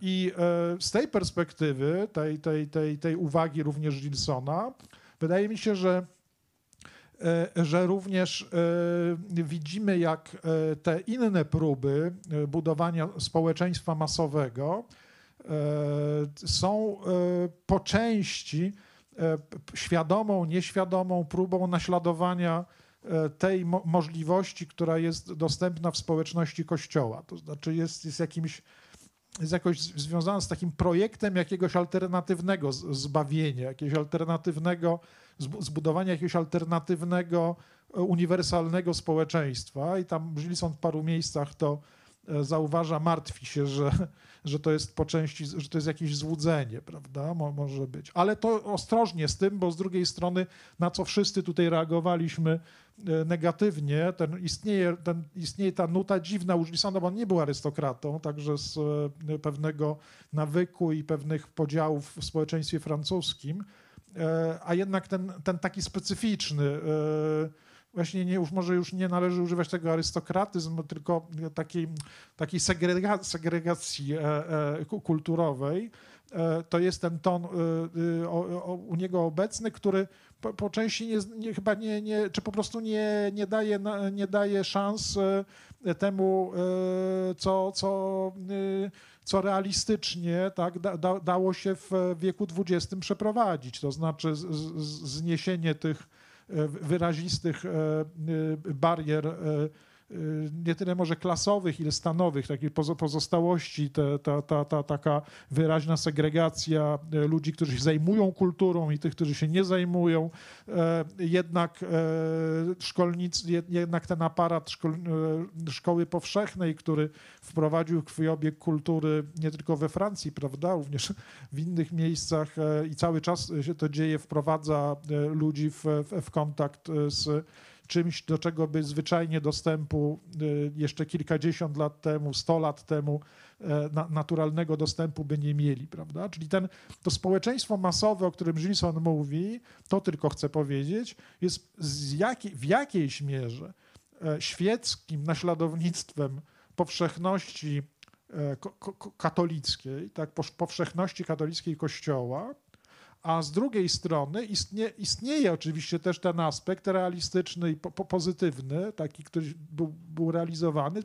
W każdej, w każdej operacji dwudziestowiecznej, jeszcze XIX-wiecznej przetwarzania dotychczasowych, e, dotychczasowych e, struktur społecznych w, w narody nowoczesne. Narody nowoczesne, czyli te, które, które są w stanie się rozpoznawać w jednej kulturze, i i jakoś tam e, poprzez edukację, dostęp do kultury próbują się odnaleźć także w jakimś je- jednym kanonie, chociaż, chociaż ten kanon ulega jakiemuś rozcieńczeniu, być może obniżeniu jakichś wymagań, ale no to jest coś, co, e, co, co po prostu e, e, e, realizuje e, zasadę dobra wspólnego de facto. Czy to po prostu w, w, w, wprowadza e, e, jakąś rze- rzeczywistość wspólnoty, a nie tylko zarządzania masami przez elitę, która jest e, lepiej poinformowana. Tak? No, To są dwie, dwie perspektywy.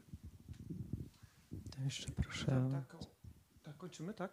E, Jeszcze chcemy jeszcze oddać głos e, publiczności. To ja ale- tylko, to ja tylko dorzucę Proszę, tutaj mhm. taką, e, taki odrobinę dziegciu, że akurat w tym przypadku w pewnym sensie masz rację to, co mówisz, że, że społeczeństwo świeckie, masowe jest y, mm, jakimś naśladem uniwersalności katolickiej, ale z drugiej strony historycznie nie do końca, bo niestety zawsze było tak, że, że przez te wieki Kościół dostosowywał się do mm, przemian społecznych, które zachodziły w, w państwie i społeczeństwie i szedł zawsze jako drugi, trzeci.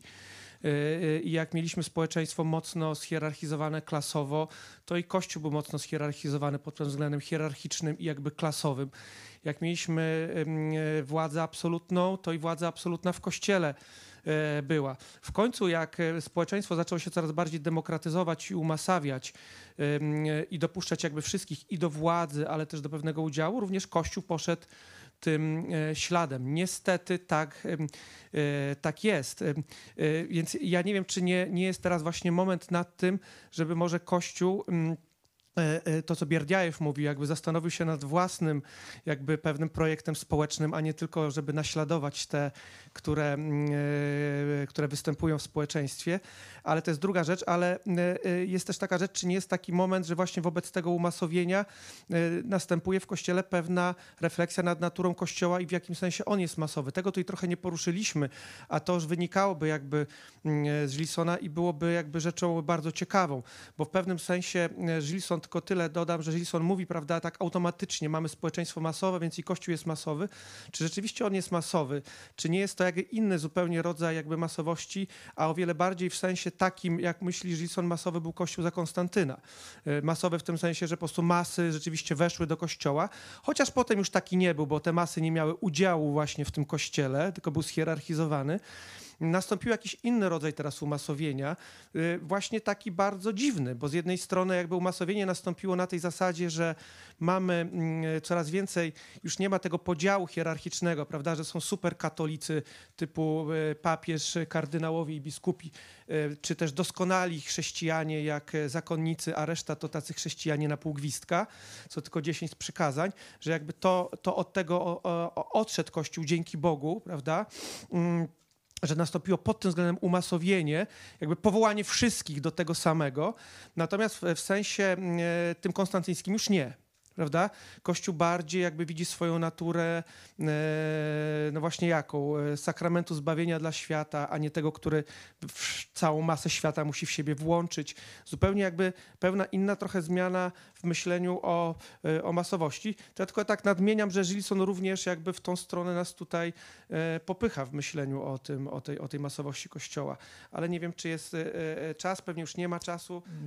To jest bardzo ciekawy wątek, i, mm, ale niestety czas nam się kończy i chcielibyśmy oddać jeszcze głos e, na ewentualne pytania. Bardzo proszę.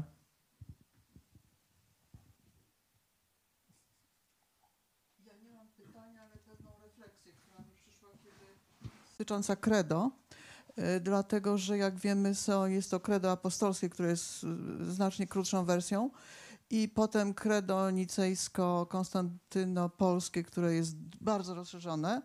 I w kontekście tej dyskusji przyszła mi do głowy taka myśl, że y, to credo nicejskie jest próbą umasowienia teologii ponieważ dzięki temu, że ono jest szersze, że ono nie pozostawia żadnych wątpliwości, że ono przekazuje y, naukę Kościoła bardzo precyzyjnie i dokładnie, każdy człowiek mógł to zrozumieć i wiedzieć o co chodzi, prawda?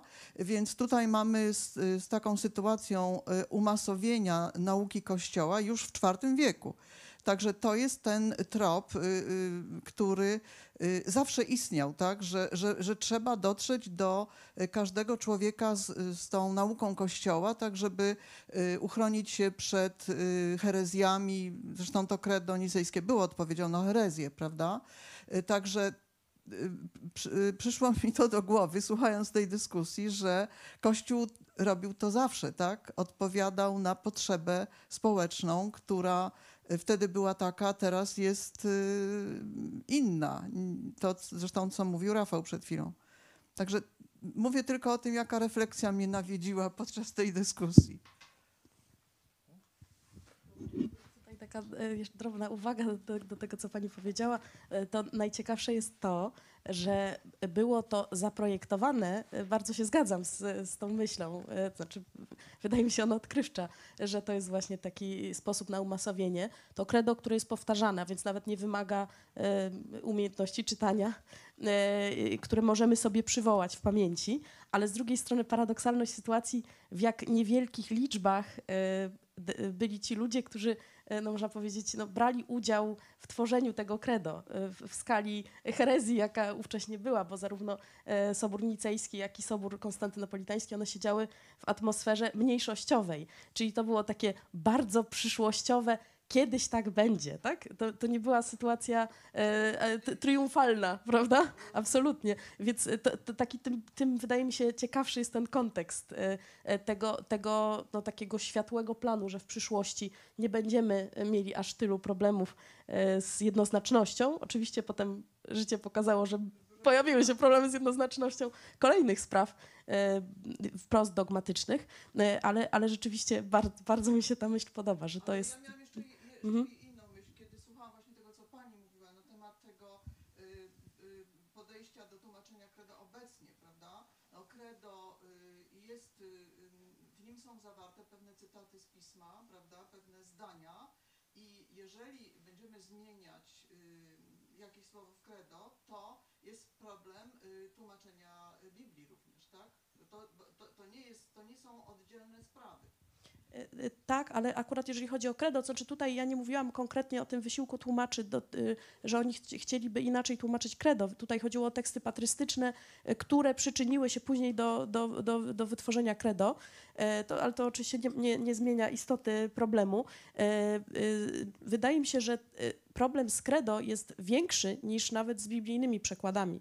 Dlatego, że tutaj e, w, Biblii mamy inny język, to jest język literacki, a w przypadku credo mamy zasady, język, e, język e, filozoficzny, więc, więc na- można powiedzieć, to jest nawet większy problem w przypadku credo i ta decyzja, to rzeczywiście ta decyzja Kościoła, tak można powiedzieć, w, w, jego mądrości, żeby w ogóle w tym kierunku pójść, takiego ujednoznacznienia filozoficznego, to jest decyzja oczywiście pod pewnymi względami ryzykowna.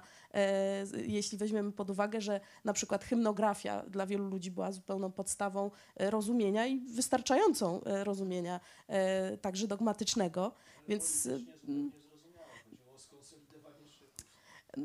Chyba nie tylko. Znaczy nie, no jest to, jest to, jest to pewien, pewien sposób, e, sposób rozwiązania e, problemu ciągle powracających herezji, tak? To, to, to niewątpliwie. I oczywiście mających także polityczne e, przełożenie. E, Ale jeszcze, jeszcze idąc dalej, bo mówiła Pani, że oczywiście to utworzenie credo w szerszej wersji nie uchroniło Kościoła przed herezjami, ale jednak to credo, dopiero dzisiaj tutaj słuchając tego, uświadomiłam sobie, że 1600 lat mówimy, tak? Tak. Przetrwało.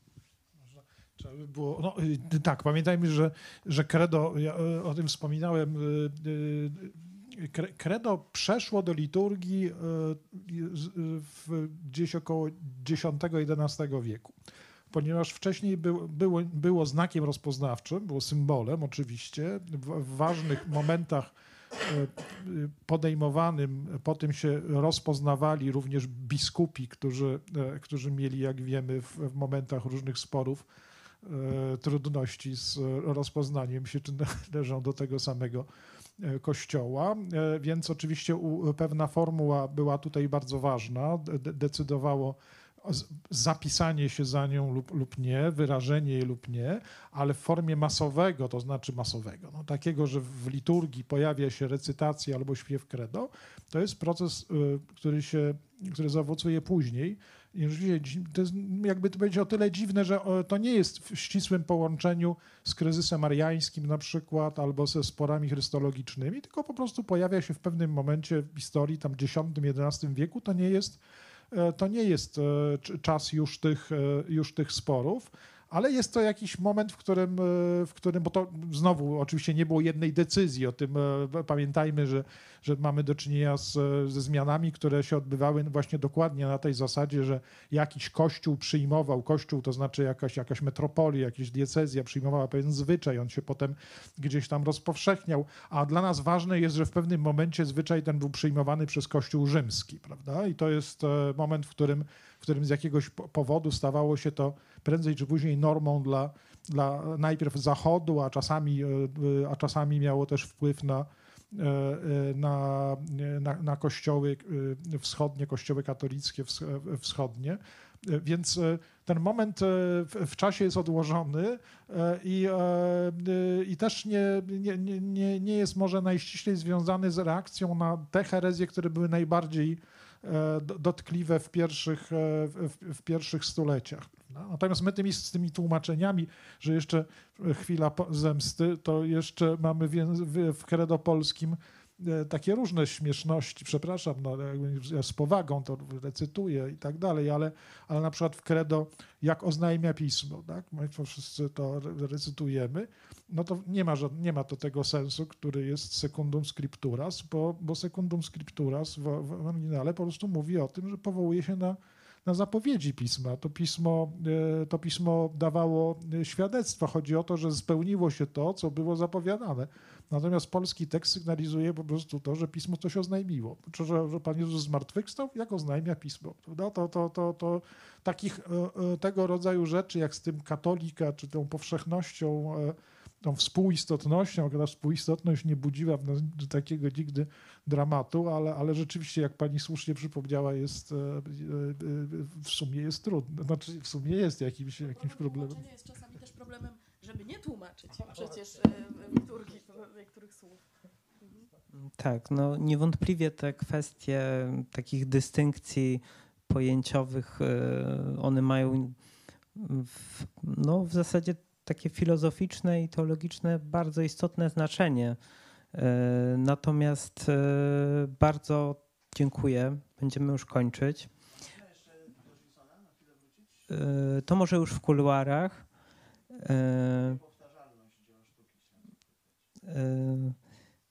To już może faktycznie w kuluarach, a, a teraz będziemy kończyć. Bardzo dziękuję naszym prelegentom. E, Pani Bognie Kosmulskiej, e, panu Pawłowi Milcarkowi oraz panu Rafałowi Tichemu.